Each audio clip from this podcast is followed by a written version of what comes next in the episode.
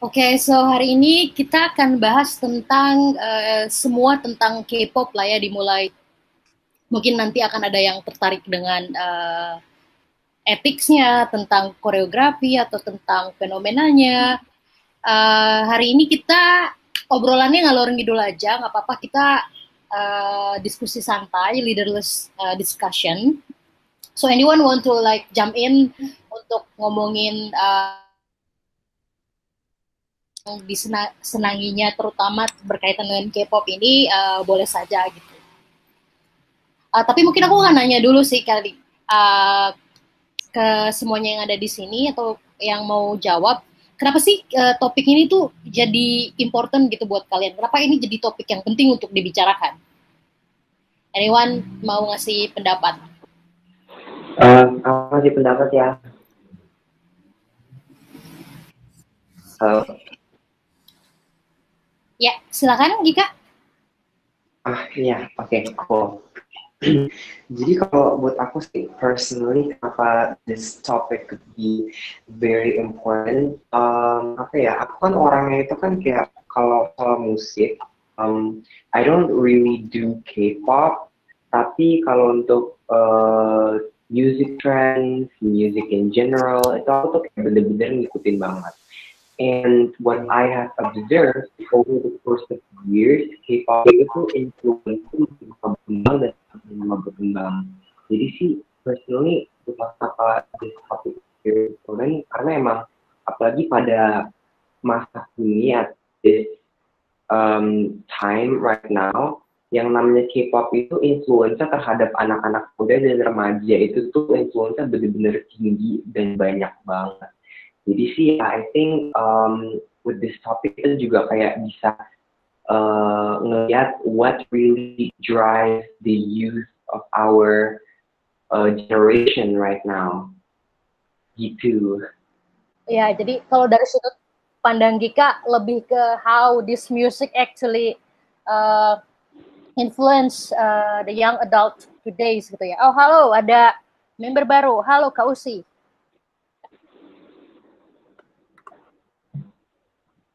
Oh oke. Okay. Sepertinya Kak Usi mungkin belum uh, connect uh, secara full. Mungkin Seika sebagai salah satu K-pop fans atau Kak Selma atau Budia atau Bu Lisa mau berpendapat gitu why we need to talk about this gitu.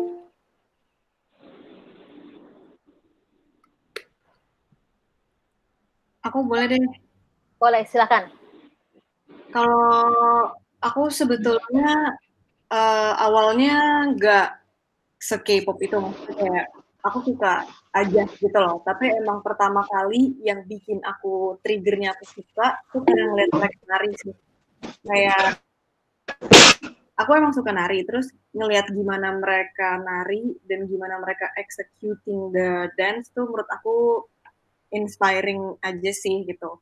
Terus yang bikin aku makin uh, sayang ya sayang tuh gara-gara uh, terakhir nonton konser tuh kayak beneran ngeliat mereka live dan gimana mereka perform tuh kayak ah ya udah deh udah kayak udah deh udah tidak bisa dideskripsikan lagi betapa jadi bikin inspire dan admire gitu.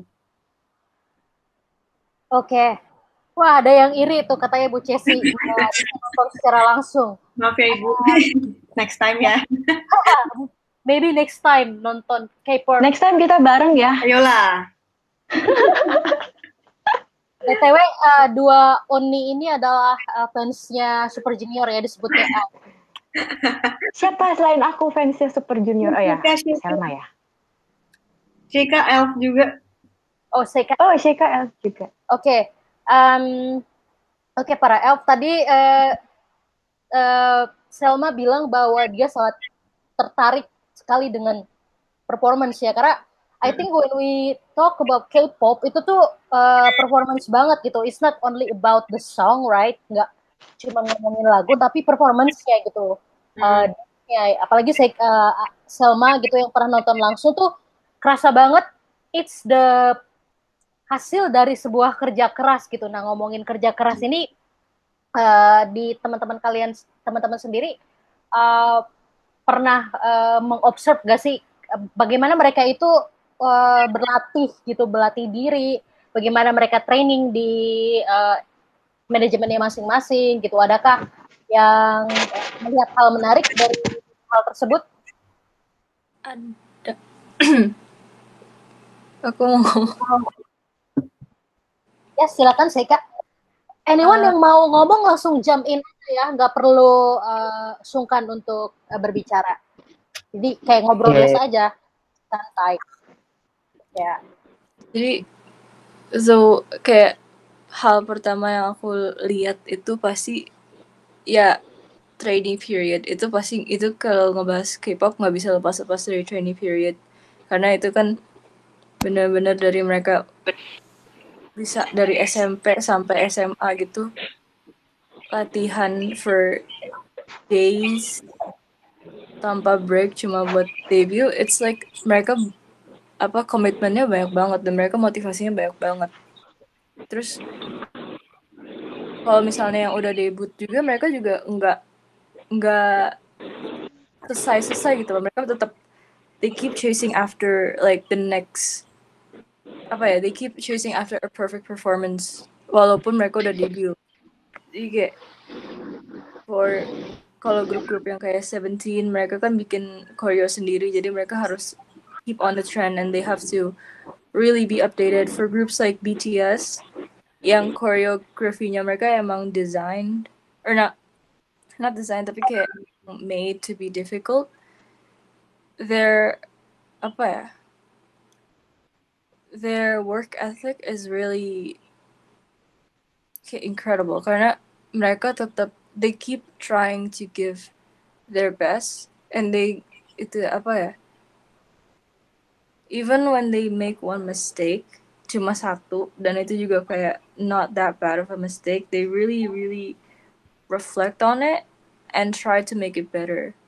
And i think that kind of motivation and like commitment to a performance is really amazing Iya ya ya. Speaking about work ethics ya, I think nggak banyak negara yang bisa relate sama work ethicsnya K-pop industri nggak sih? Kayak I mean like wow, they train like really really hard gitu. Beneran. Iya benar benar. Iya gimana aku kemarin baru aku kemarin baru lihat. Gimana gimana sih? Aku kemarin tuh baru lihat siapa salah satu membernya Super Junior dia jadi kayak juri tamu lah gitu. Uh, iya song. Ah. Yesung. Oke, nggak boleh nggak boleh histeris. Uh, terus eh, si si Yesung tuh kayak diundang untuk jadi juri um, bukan juri sih kayak mungkin um, apa ya orang yang udah lebih pengalaman terus ngeliat lah gitu ngeliat si si uh, uh, de, siapa grup barunya tuh namanya under under 19 oh. under 19 mm -mm. Mm Iya nggak tahu nama nama grup atau nama pokoknya banyak lah gitu. Terus dia tuh dengan muka galak mukanya galak emang mukanya gitu ya galak. Terus udah gitu dia dia ngelihat uh, perform satu lagunya si anak-anak uh, yang uh, lat yang latihan ini. Terus uh, dia dia nggak ngomong sama sekali.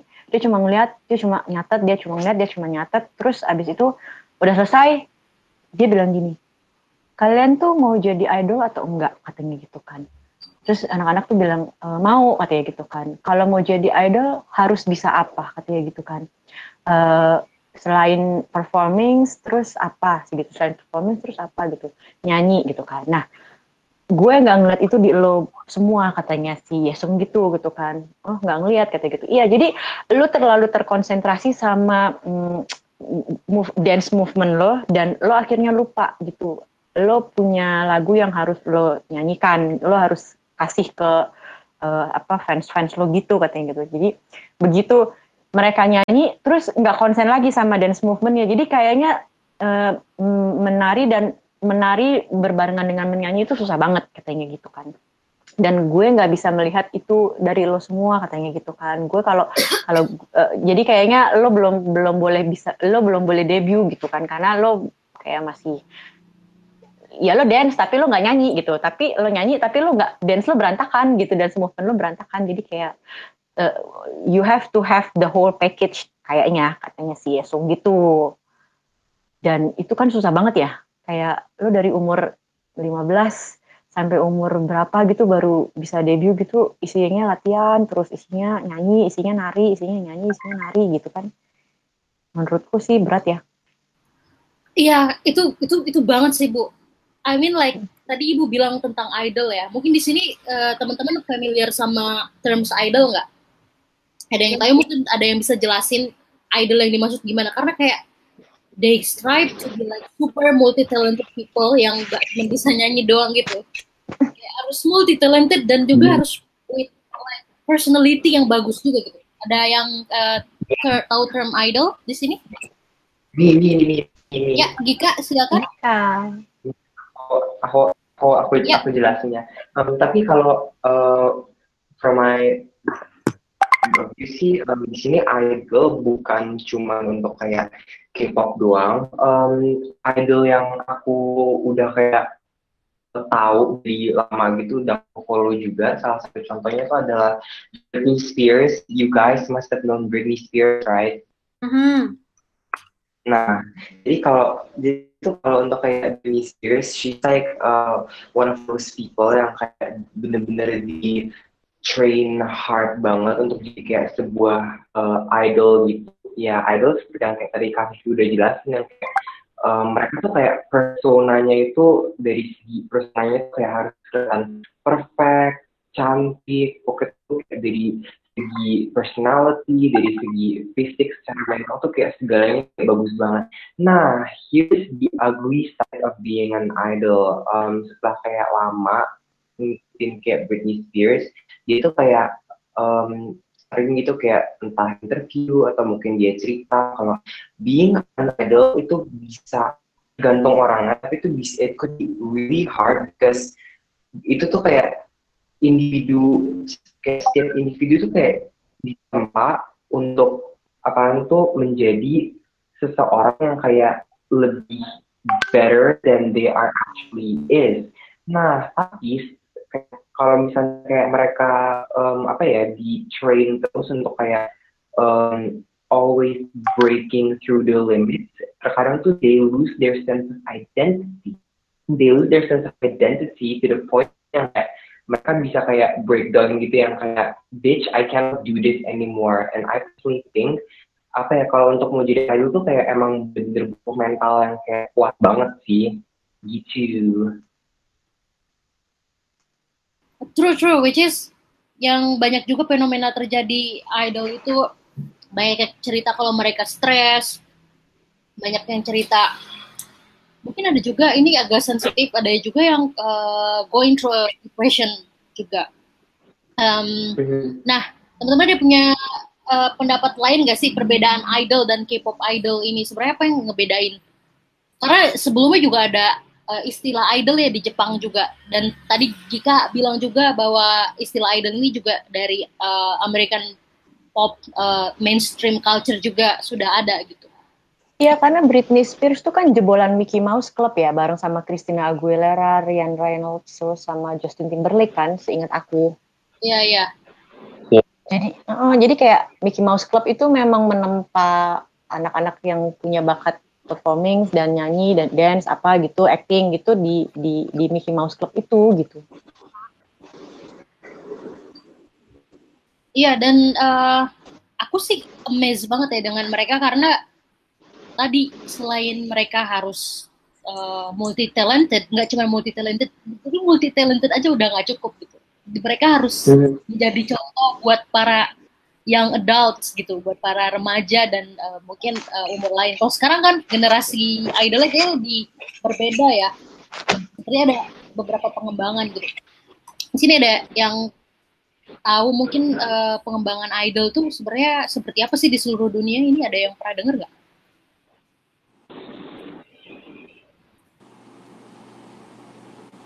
Ya, ini saya nyalain mic mau bicara.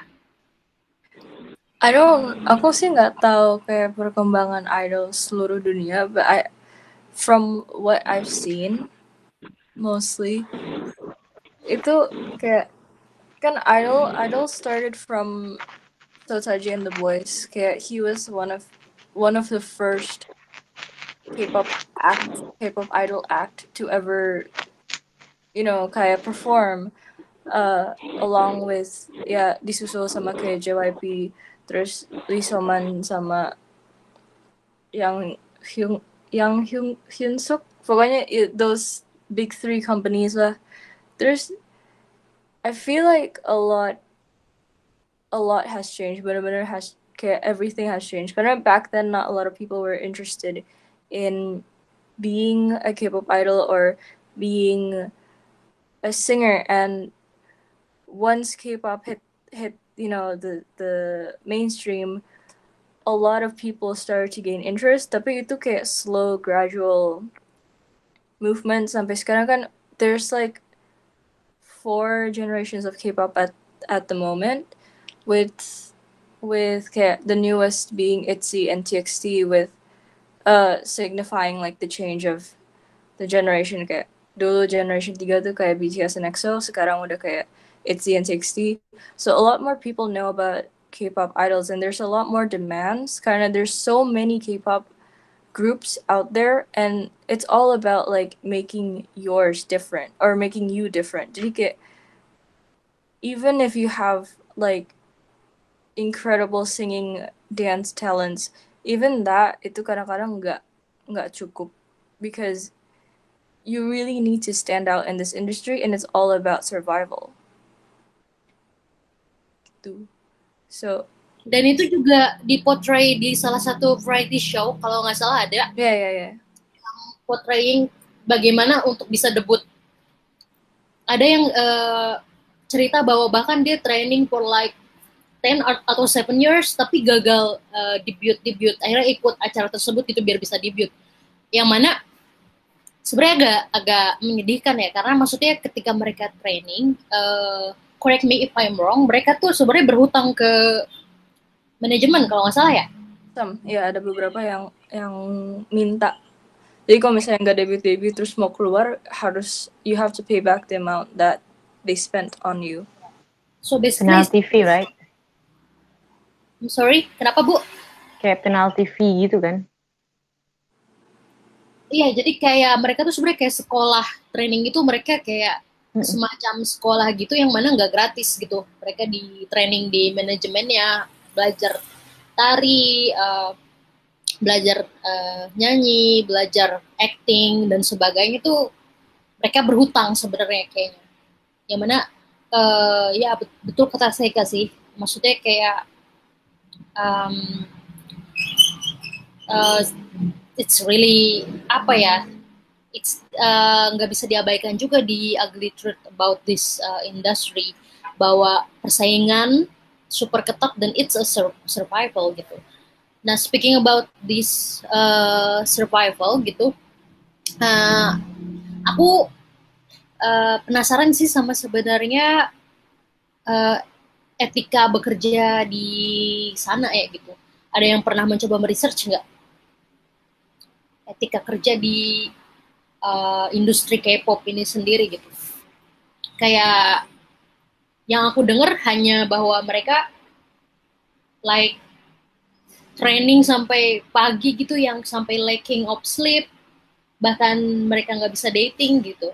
Mungkin ada perspektif lain yang, pernah research idolnya atau pernah research Suju itu kayak gimana gitu ketika mereka bekerja atau Seika bagaimana Seventeen ini uh, kerja karena kayaknya Seventeen agak berbeda ya karena mereka like have their own uh, production Mm.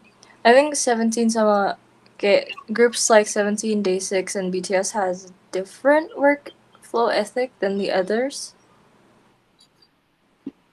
Soalnya mereka mostly self-produced, wherein kayak other groups could have songs written for them and they just need to translate to Korean and perform and make up the dance. Tapi juga kadang-kadang kan dance-nya bisa kayak hire some other people so it's really up to them to execute the song gitu.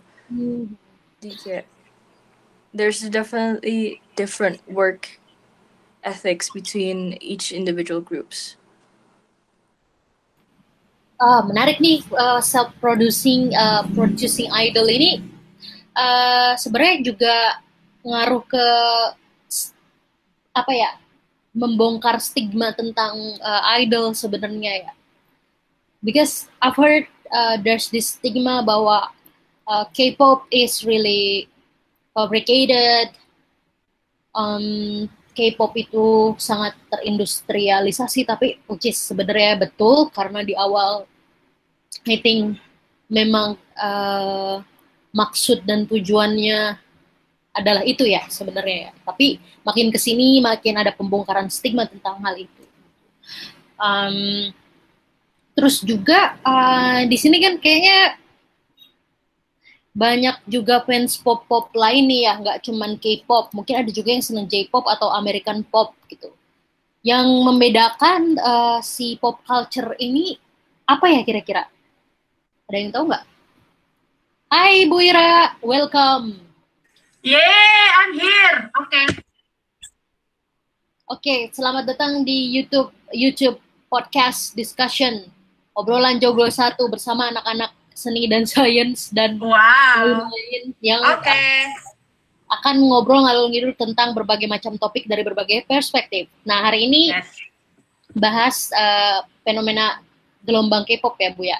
Oke okay, oke. Okay, uh, okay. Sebagai member baru di ospek dulu nih.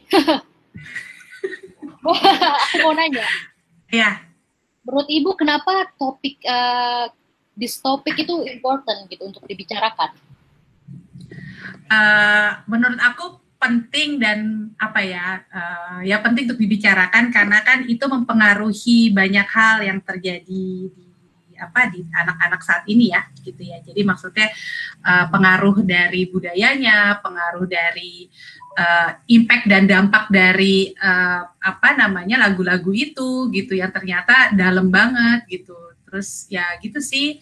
Dan kalau dikaitkan sama um, kepentingan aku aku justru menarik pengen tahu aja gitu. Apa sih sampai sejauh mana K-pop ini mempengaruhi cara berpikir uh, kita semua gitu. Gitu. Oke lulus ospek. Ya uh, mungkin ada yang mau menanggapi pertanyaan Bu Ira. Sebenarnya sejauh mana K-pop ini mempengaruhi hidup kita? Ini pertanyaan sama kayak diskusi movie kemarin ya? Iya kayaknya. Ya. Nah, mungkin aku mau nanggepin pertanyaan Kak Vivi tadi deh yang apa uh, menurut menurut kita atau masing-masing apa yang ngebedain K-pop dari pop-pop yang lain. Iya benar. Maaf, aku lupa tadi aku nanya itu. Sorry sorry. Gak apa-apa. Menurut aku um, kayak gimana cara mereka engage ke fans gitu sih. Kayak kalau misalnya kita lihat Taylor Swift gitu kali ya. Ini ngasal sih. Kayak gimana kita lihat Taylor Swift ngelihatnya tuh dia uh, kayak ngelihat fans tuh mungkin kayak slightly below gitu loh. Kayak oh ya lo fans gue gitu. Kalau misalnya di K-pop menurut aku fans tuh beneran di beneran dirangkul banget gitu loh kayak dikasih konten-konten personal yang bikin fans itu ngerasa tahu banget sama idolnya gitu. Padahal kayak ya emang dikasih gitu informasi-informasi yang personal gitu. Kayak as simple as nggak suka makanan apa atau kayak oh my god iya. Iya kan? Kayak sebelum tidur uh, rutinitas skincare-nya apa gitu. Kayak itu kan nggak penting tapi kayak hal-hal yang justru gak penting tapi kayak personal membuat fansnya merasa dekat gitu dengan idolnya gitu. Dan menurutku itu engagement yang bikin fansnya juga setia banget sama idolnya gitu. Yang aku aku nggak ngeliat itu di pop uh, pop pop barat gitu loh.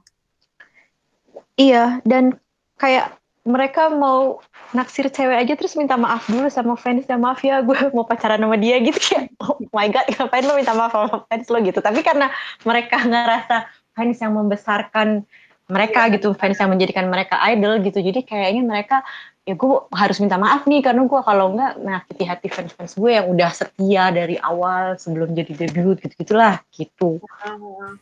Tapi uh, aku boleh bertanya nggak? Ini sebagai pendatang baru di K-pop yang aku sendiri uh, jarang mendengar ya, tapi aku uh, sering melihat fenomenanya.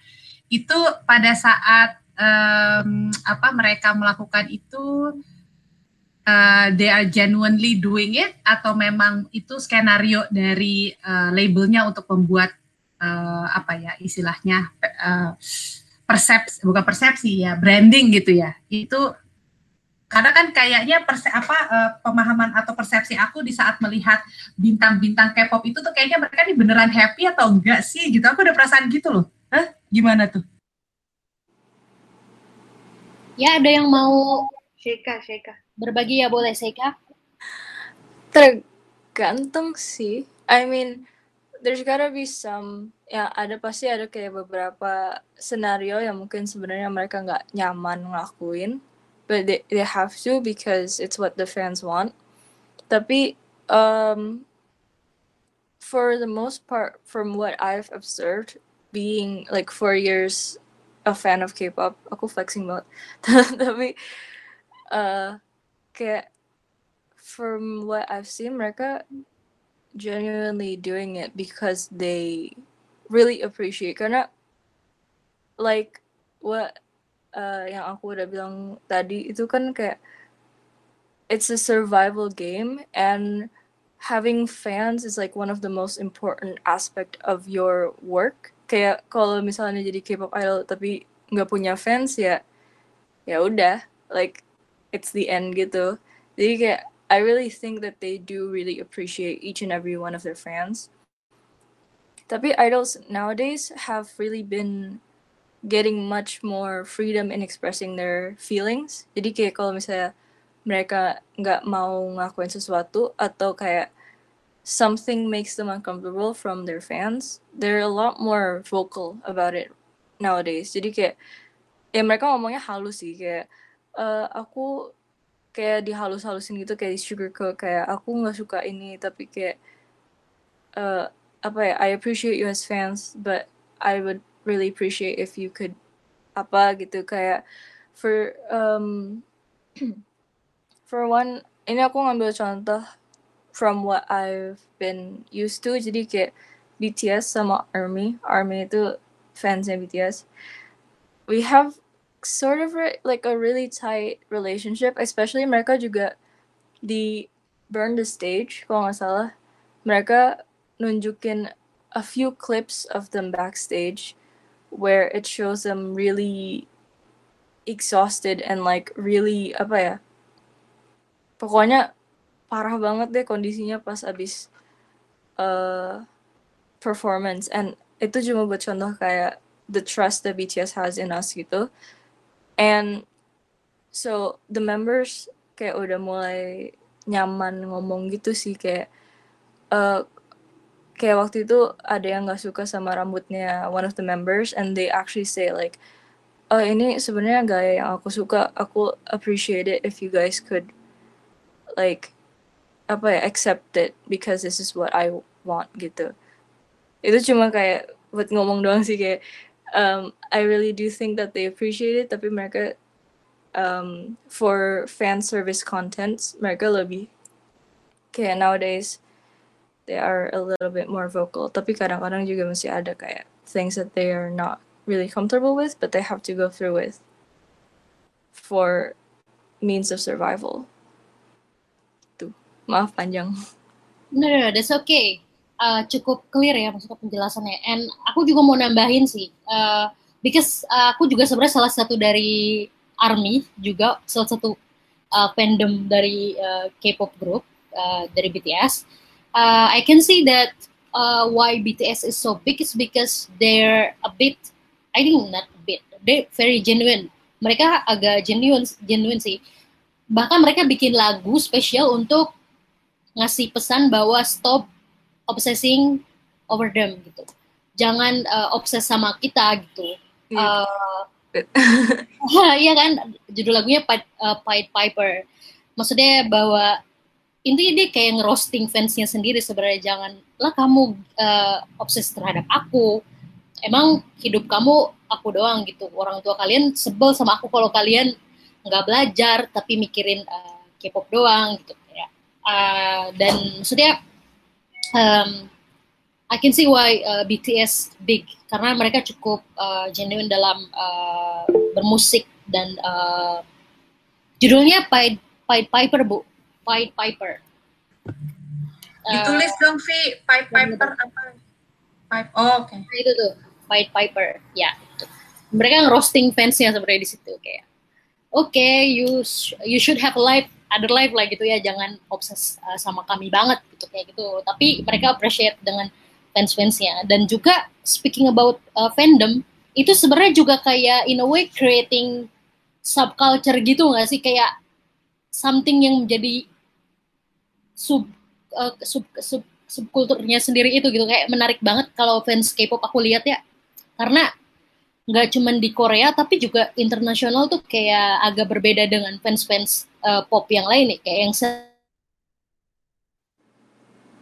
kalau fans di luar kayaknya nggak nggak nggak kayak yang uh, guyup bareng ayo kita kumpul buat uh, nobar apa gitu gitu kayak, kayak international fans tuh kayak ya, engage banget dan bikin culture sendiri gitu which is menarik ya Terus uh, tadi ada yang mau merespon dari Bu Ira lagi nggak? Mungkin Bu Cesi dan uh, pertanyaannya Bu Ira tadi tuh uh, apa ya? Maaf Bu saya lupa tadi. Kira ya, ya. genuine nggak ya, gitu ya? Enggak, sebenarnya Bu ya uh, aku sih tadi karena atau enggak ya? Ini ya. ini ini menarik banget discussionnya. Uh, nah kalau aku tadi awalnya kan penasaran pengen tahu dampak atau impact apa yang di yang didapat uh, dari uh, being fans of K-pop ini? Apakah itu apa army atau apa terhadap hidup uh, hidupnya fans tersebut gitu?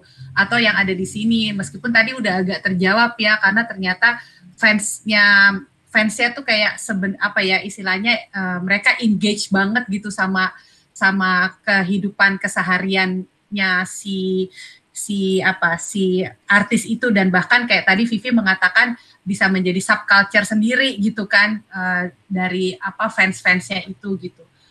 Uh, aku aku menanggapi ya, gak apa-apa ya Via. Maksudnya gini, karena kan referensi aku melihat artis uh, K-pop itu dari dramanya ya, drama drama Korea yang yang ada sedikit-sedikit cerita tentang bagaimana kehidupan artis gitu ya, yang sebenarnya uh, dari satu sisi kan si fansnya appreciate uh, the gesture, the apa genuine-nya si artis gitu. Tapi kalau dari yang digambarkan di drama itu kan sepertinya mereka justru uh, ke, bahkan kehilangan jati dirinya simply karena dia harus uh, tailored dengan uh, yaitu permintaan-permintaan dan kebutuhan-kebutuhan si fans dan itu uh, mengganggu banget kehidupannya mereka gitu.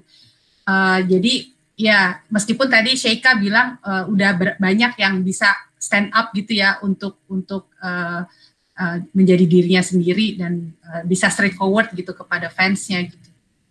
Jadi sebenarnya ya gitu, aku sharing ini aja pendapatku pada saat melihat drama-drama itu kayak aku jadi aduh rasanya kayak apa ya jadi artis K-pop yang sampai ya itu tadi tuh uh, sampai fansnya segitu banyaknya terus kemudian mereka kayak punya kulturnya sendiri gitu ya aduh dahsyat sih Gimana? What do you guys think sebagai K-pop lovers? Iya. Yeah. Ya. Silakan yang mau uh, yang non boleh berpendapat, mungkin uh, mendengar dari teman boleh banget Gika atau Kak Selma atau Kak Usi yeah. boleh. Siapa aja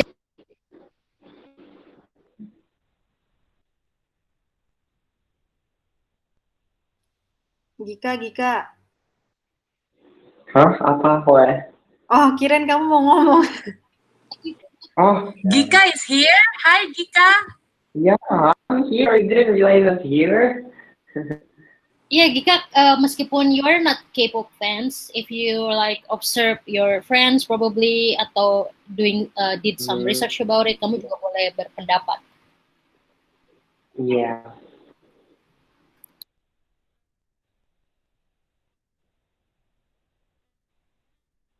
Atau siapa? Selma atau Kak Didi atau Bu Cesi? Hmm, aku boleh. Tadi aku kayaknya setuju sama Sheikha sih bahwa emang sekarang udah lebih mending karena kalau misalnya kita lihat artis yang baru debut pasti tailored banget dibuat banget kayak waktu EXO baru rilis tuh beneran kayak woi kayak anak anak kampung itu menurut aku karena alay. Tapi kayak ya dia mengikuti tren gitu loh dan dan kayak ya emang itu caranya mereka untuk gain attention dulu. Tapi makin ke sini kelihatan kalau stylenya udah lebih udah lebih ya udah kelihatan personalitinya masing-masing. Kayak dan dari uh, agensinya pun kalau misalnya uh, naik artisnya juga di punya style yang masing-masing gitu tapi kayaknya kalau baru debut pasti detailed sesuai kemauan fans banget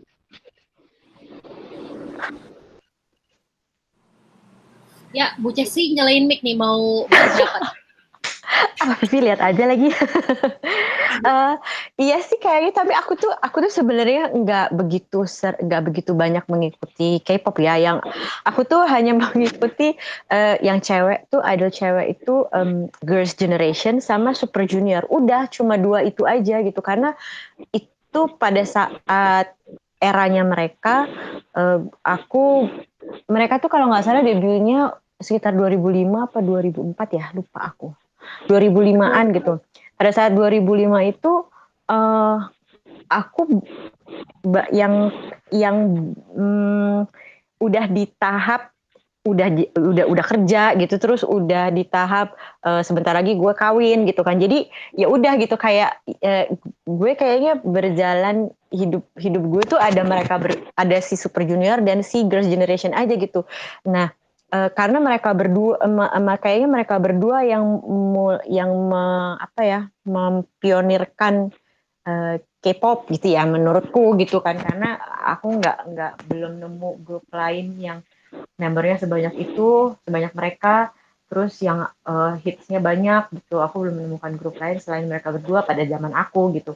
Jadi kayak uh, mungkin nggak bisa jadi perbandingan juga karena mereka mereka berdua udah established jauh lebih lama dibandingkan si band-band baru ini gitu. Jadi kayaknya aku melihat ya mungkin mereka waktu awal-awal juga di tailor sih sebenarnya sama uh, sama si SM Entertainment itu gitu kan sama si manajemennya mereka itu. Tapi kalau menurutku di tailor itu karena mereka ya itu kayak harus mengembalikan uh, mengembalikan uh, DP-nya mereka gitu nggak sih? Karena mereka kan dibayarin ya mereka dibayarin uh, dibayarin uh, kursus nari, dibayarin kursus uh, acting, dibayarin kursus apa gitu kan. Dan, dan mereka dibuat dan mereka detailor sedemikian mungkin sampai mereka jadi istilahnya mereka yang mencari uang gitu. Mereka sebagai pencari uangnya untuk si labelnya mereka gitu. Nah, setelah itu kalau mereka brandnya udah established, udah udah settled, kayaknya udah nggak di tailor lagi sih. Kayak sekarang nggak mungkin sih Super Junior sama Girls Generation di tailor gitu. Karena mereka udah udah settle banget gitu. Istilahnya dia ngomong A aja semuanya bisa ikut gitu istilahnya. Jadi kalau kayak dulu awal-awal mungkin di tailor ya. Dan dan kalau um, menjawab pertanyaannya Bu Ira yang sampai sejauh mana punya dampak, aku sempat pernah punya temen yang eh, dia eh, dia hanya bisa menjadi uh, apa ya menjadi dirinya sendiri pada saat dia mendengarkan uh, itu mendengarkan girl band SIND S SNSD Wow. Ya. Itu ya. itu, itu mengerikan gak sih atau oke okay? atau gimana tuh teman-teman menanggapi itu?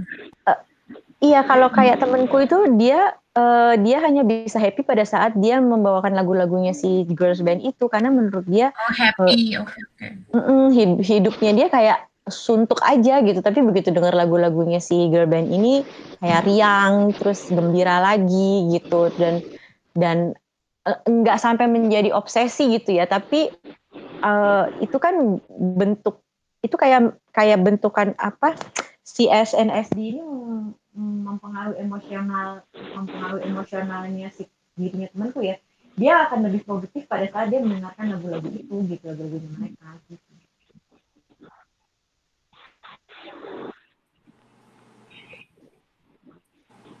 Ya.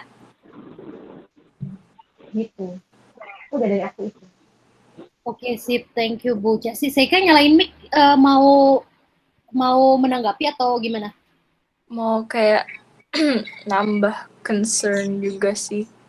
Soalnya hmm, I think talking about like fan culture juga harus highlight the dark like the bad side of fan culture which is um, the fact that apa ya idols life itu selalu apa ya di diperhatiin especially with South Korean culture with adanya kayak dispatch would go for apa ya mereka tuh kayak bener-bener bakalan nyari like kan idol dating is like one of the the worst thing you could do as an idol. Then dispatch is always always looking for like the newest idol couple just to kind of expose them gitu.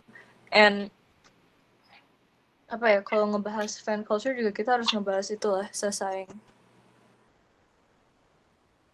it is uh, really important as well untuk dibahas sih karena uh, I mean like idol is like you uh, the same human being. Maksudnya mereka juga manusia sama kayak kita bedanya mereka cuma terekspos uh, keluar dan menjadi perhatian luar gitu.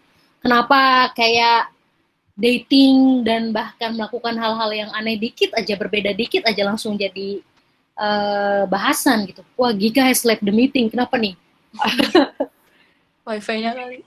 Wifi-nya ya jadi kayak uh, sebenarnya the it's the downside ya yang mana harusnya kita sebagai fans uh, ya tidak ya join kembali ya selamat datang. Tidak mereka juga sama uh, manusia they as a human being gitu. Bedanya aja mereka adalah idol uh, dan uh, we uh, apa ya society tuh put put so much yeah that's okay Giga like network problems. Put so much uh, apa expectation karena namanya idol ya. Jadi kayak itu tadi uh, nyambung ke Bu Ira juga gitu bahwa mereka harus senyum setiap hari gitu harus uh, being persona yang berbeda dari diri dia yang mana mungkin bisa jadi salah satu faktor uh, tingkatnya stres dan depresi di kalangan uh, artis juga kali ya. Terutama uh, di kalangan artis Korea karena kalau di riset gitu bisa uh, dilihat bahwa banyak angka uh, bunuh diri juga. Kita juga kehilangan beberapa uh, K-pop idol ya beberapa tahun yang lalu uh, yang mana adalah Suli uh, Suli dan siapa ya aku lupa Guhara Guhara Guhara dan juga uh, Jonghyun Iya. Iya. Gila kak, aku kemarin tuh kayak pas pas habis buka, terus aku kayak gak tahu kenapa tiba-tiba mau look up Jong Hyun dan aku kayak bener-bener nangis. Iya, yeah, I mean like sedih banget ya shiny ya. Iya hmm. shiny. Hmm, uh, they they are human being, mereka juga sama manusia tapi kayak karena ada ekspektasi gitu karena namanya idol sesuatu jadi rasanya berat. Dan um, Jong Hyun sendiri um, uh, bunuh diri karena dia merasa bahwa he thinks that he didn't do well padahal sebenarnya dia sudah menciptakan banyak lagu dan kualitasnya pun bagus gitu. Dan uh, nggak nggak apa ya nggak kalengan gitu. Maksudnya dan emang dia real musician gitu. Tapi kayak karena ada ekspektasi dan sebagainya dan uh, kurangnya mungkin awareness juga terhadap mental health uh, di sana mental health awareness juga bikin uh. jadi problem juga di sana tingkat depresi yang tinggi gitu. Mungkin ada aku, yang pernah dengar isu ini juga. Aku mau nambah about the mental health thing yep mental health tuh di sana tuh benar-benar nggak terhighlight sama sekali karena mereka punya acara TV namanya Hello Counselor. Tapi from the name harusnya kan itu buat kayak apa ya? Kind of like a televised therapy which is in its own kayak fishy tapi panelisnya atau kayak MC-nya itu they're not even actual therapists. Mereka tuh komedian semua. Jadi kayak apa ya? Like I don't uh, most of the bad like really really bad situations that happen on the show sometimes kayak di play off as like a joke atau kayak oh ini mah uh, kamunya yang kayak kurang perhatian aja sama this other person who's doing horrible things to you jadi kayak apa ya kayak kayak gitu kayak they even have a show about it where it doesn't really get highlighted as importantly as it should be. Jadi kayak gitu. Kayak they really have a big issue with mental health awareness. Ya, ya, ya, aku juga pernah lihat tuh um, apa Hello Counselor yang mana memang tidak ada konselor benerannya ya. Iya, ya. terus kayak konselornya bercanda-bercanda ngelawak-ngelawak gitu, gitu banget. Iya, terus iya joke about it Ya. kayak itulah aku aku kalau nonton itu kayak gemes sendiri cause I keep wondering cause sometimes idols juga masuk ke acara itu kan and I I keep thinking kayak do these idols know what they're saying atau do these idols are are atau kayak are they disuruh buat ngomong kayak gini kayak is it that mereka emang nggak boleh ngomong or speak out about it? Karena mereka kayak guest jadi mereka nggak boleh kayak in a sense ngejelekin the show by giving actual advice atau apa. Aku kayak aku nggak ngerti. Karena it's just I don't know. Aku kayak bingung aja ya mungkin Kak Selma sebagai eh, yang punya background di psychology mungkin mau mendakapi hal ini Kak, gimana Kak kalau menurut Kakak? Eh, aku pernah dengar katanya kalau sekarang mereka udah kayak beberapa agency punya eh, apa namanya psikologi sendiri gitu katanya sih buat buat maintain kesehatan mental para idolsnya. Cuman aku nggak tahu berapa orang atau berapa entertainment yang sudah menerapkan gitu. By the way, Kak Vivi waktunya udah habis. Ya, ya ampun, sedih. lewat yang apa pada ada produk tuh Sheika sama Gika Oh, Seika, Gika ada prodep ya bener juga. Mm-mm. Ya nggak apa-apa ya. Nggak Hmm. kerasa ya, bener banget. Ya, tapi intinya mental health issue ini jadi hal penting banget, nggak cuma buat idol kali ya. Hmm. Tapi- maksudnya- sorry aku mau nambah kayak yang aku tahu or at least like the one that I'm more aware of itu Seven uh, Pledis udah punya like apa ya? Kayak soalnya kalau nggak salah leadernya mereka S Scoops has anxiety and he had to take like a one year break for his stress related or anxiety uh, related issues. And kalau nggak salah BTS juga kan kalau nggak salah Namjoon has openly speak spoke out about having a personal therapist and encouraging people who has hard times to go to therapists. So in the self-produced idols yang aku lihat mereka kayak apa ya punya that kind of mental awareness. Tapi aku nggak tahu dengan kayak SM SM or YG gitu. Aku nggak tahu udah ada atau belum. Oke, sip. Em, mungkin untuk mengakhiri eh, diskusi ini mungkin satu lagi sih, eh, mungkin komen beberapa kata kali. Kenapa K-pop ini jadi global phenomenon? Kenapa jadi fenomena global?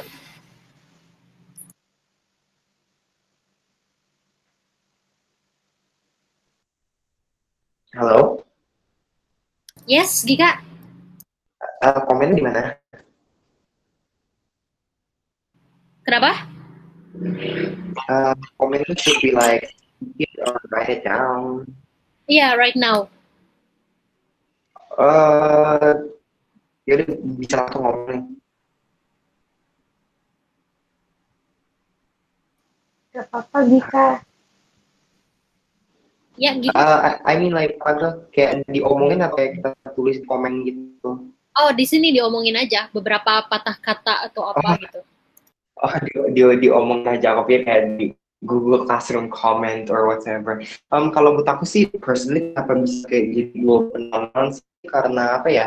Um, yang aku perhatiin yang kayak many like my friends itu told me apaan tuh ya different K-pop groups itu tuh kayak mereka punya kayak they uh, kayak mereka tuh kayak holding on kepada kayak satu tema gitu. Jadi kayak each K-pop groups kayak nge-represent a certain I don't know kayak theme in our life yang kayak bisa kita nge-relate. And kalau buat aku sih ya mungkin jadi global phenomenon apalagi di kalangan muda pada ya karena mereka bener-bener ngerasa relate banget dengan apa yang presentasikan dengan K-pop itu Nah, salah, salah satu contohnya seperti BTS kan mereka merepresentasikan self love. Makanya kenapa banyak anak-anak muda tuh yang kayak apa tuh yang kayak craving for self love. Makanya kenapa mereka benar-benar ngerelate ke BTS. That's why they are the one of the most highest grossing K-pop groups out there. Oke, okay, thank you Gika. Ada lagi yang mau ngasih uh, komen? I think it's the fan engagement. Karena mereka banyak banget content to draw people in. Even kayak misalnya mereka awalnya nggak suka sama lagunya mereka bisa kayak tertarik dengan personality each of them. Kayak uh, aku dulu mas uh, jadi fans Seventeen bukan gara-gara suka lagunya tapi aku malah karena aku nonton mereka on one variety show I keep wanting to know more about them, then itu kayak lead me to their music. So could lead the other way, kayak misalnya you came for their music, stay for their personality kind of thing gitu. So I think that kind of effect kayak can cause a lot of apa ya kayak connection with the fans and relatability relatability ya gitu. Jadi kayak lebih banyak orang bisa there's more for there's enough for everybody. Kayak you could come for their music you could come for their personality you can come for their apa lagi acting maybe kalau misalnya ada yang acting di grupnya or something like that. Oke okay, ada lagi? Aku deh. Silakan silakan bu uh, sepatah dua patah katanya kayaknya sih menurutku.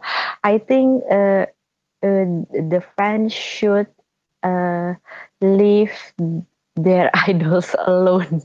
Maksud aku kayak lu tuh you don't own them gitu gitu ya. Maksudnya memang kamu dikasih sedemikian rupa kamu dibuat sedekat sedemikian rupa sama si idol idol ini gitu. Supaya kamu juga jadi apa namanya uh, juga kamu mensupport uh, apa mensupport mereka gitu. Tapi ya udah sebatas ya support aja gitu. Nggak usah lah kayak uh, mereka mau melakukan apa mereka mau menikah mereka mau punya anak mereka mau hamil duluan di luar nikah gitu. Nggak usah dapet dapet death threat segala macam gitu. I mean like hello gitu kan. Like udah lo udah gue hibur gitu. Istilahnya si idolnya sudah menghibur lo sudah membuat hidup lo istilahnya agak le lebih ringan gitu ya lebih ber, ber, berirama gitu. Tapi terus balasannya kalau kayak ngasih-ngasih death, death threats terus nyuruh-nyuruh keluar nyuruh-nyuruh uh, nyuruh-nyuruh nggak boleh di situ lagi nggak boleh join di grup lagi kayaknya it doesn't make any sense gitu kan. Maksud aku ya udah be kind to one another aja gitu support each other udah gitu aja.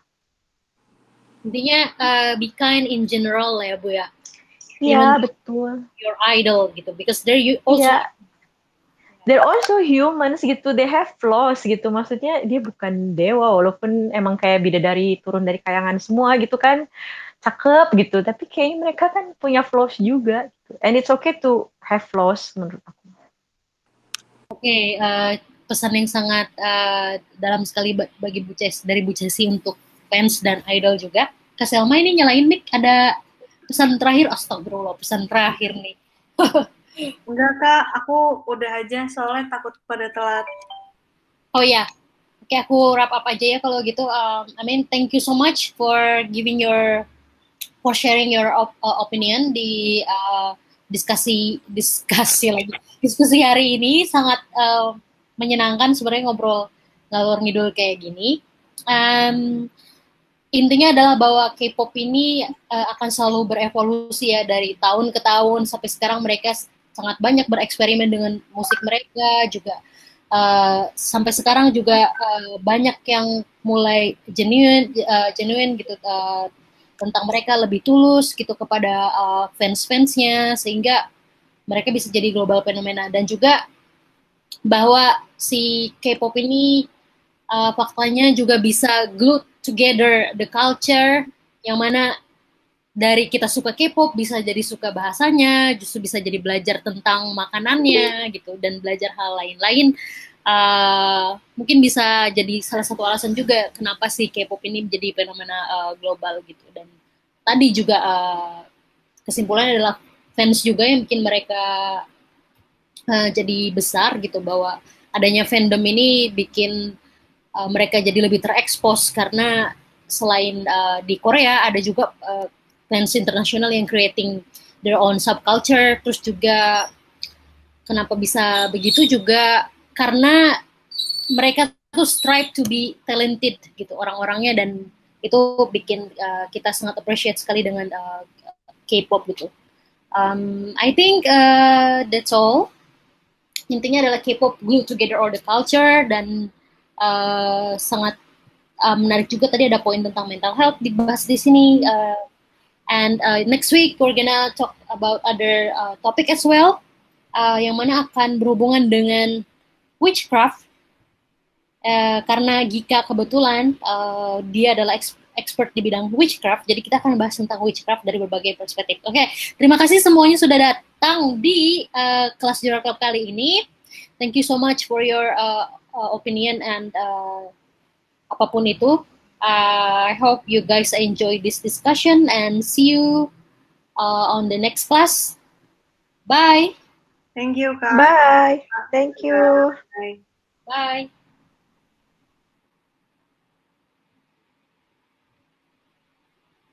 Okay, stop recording.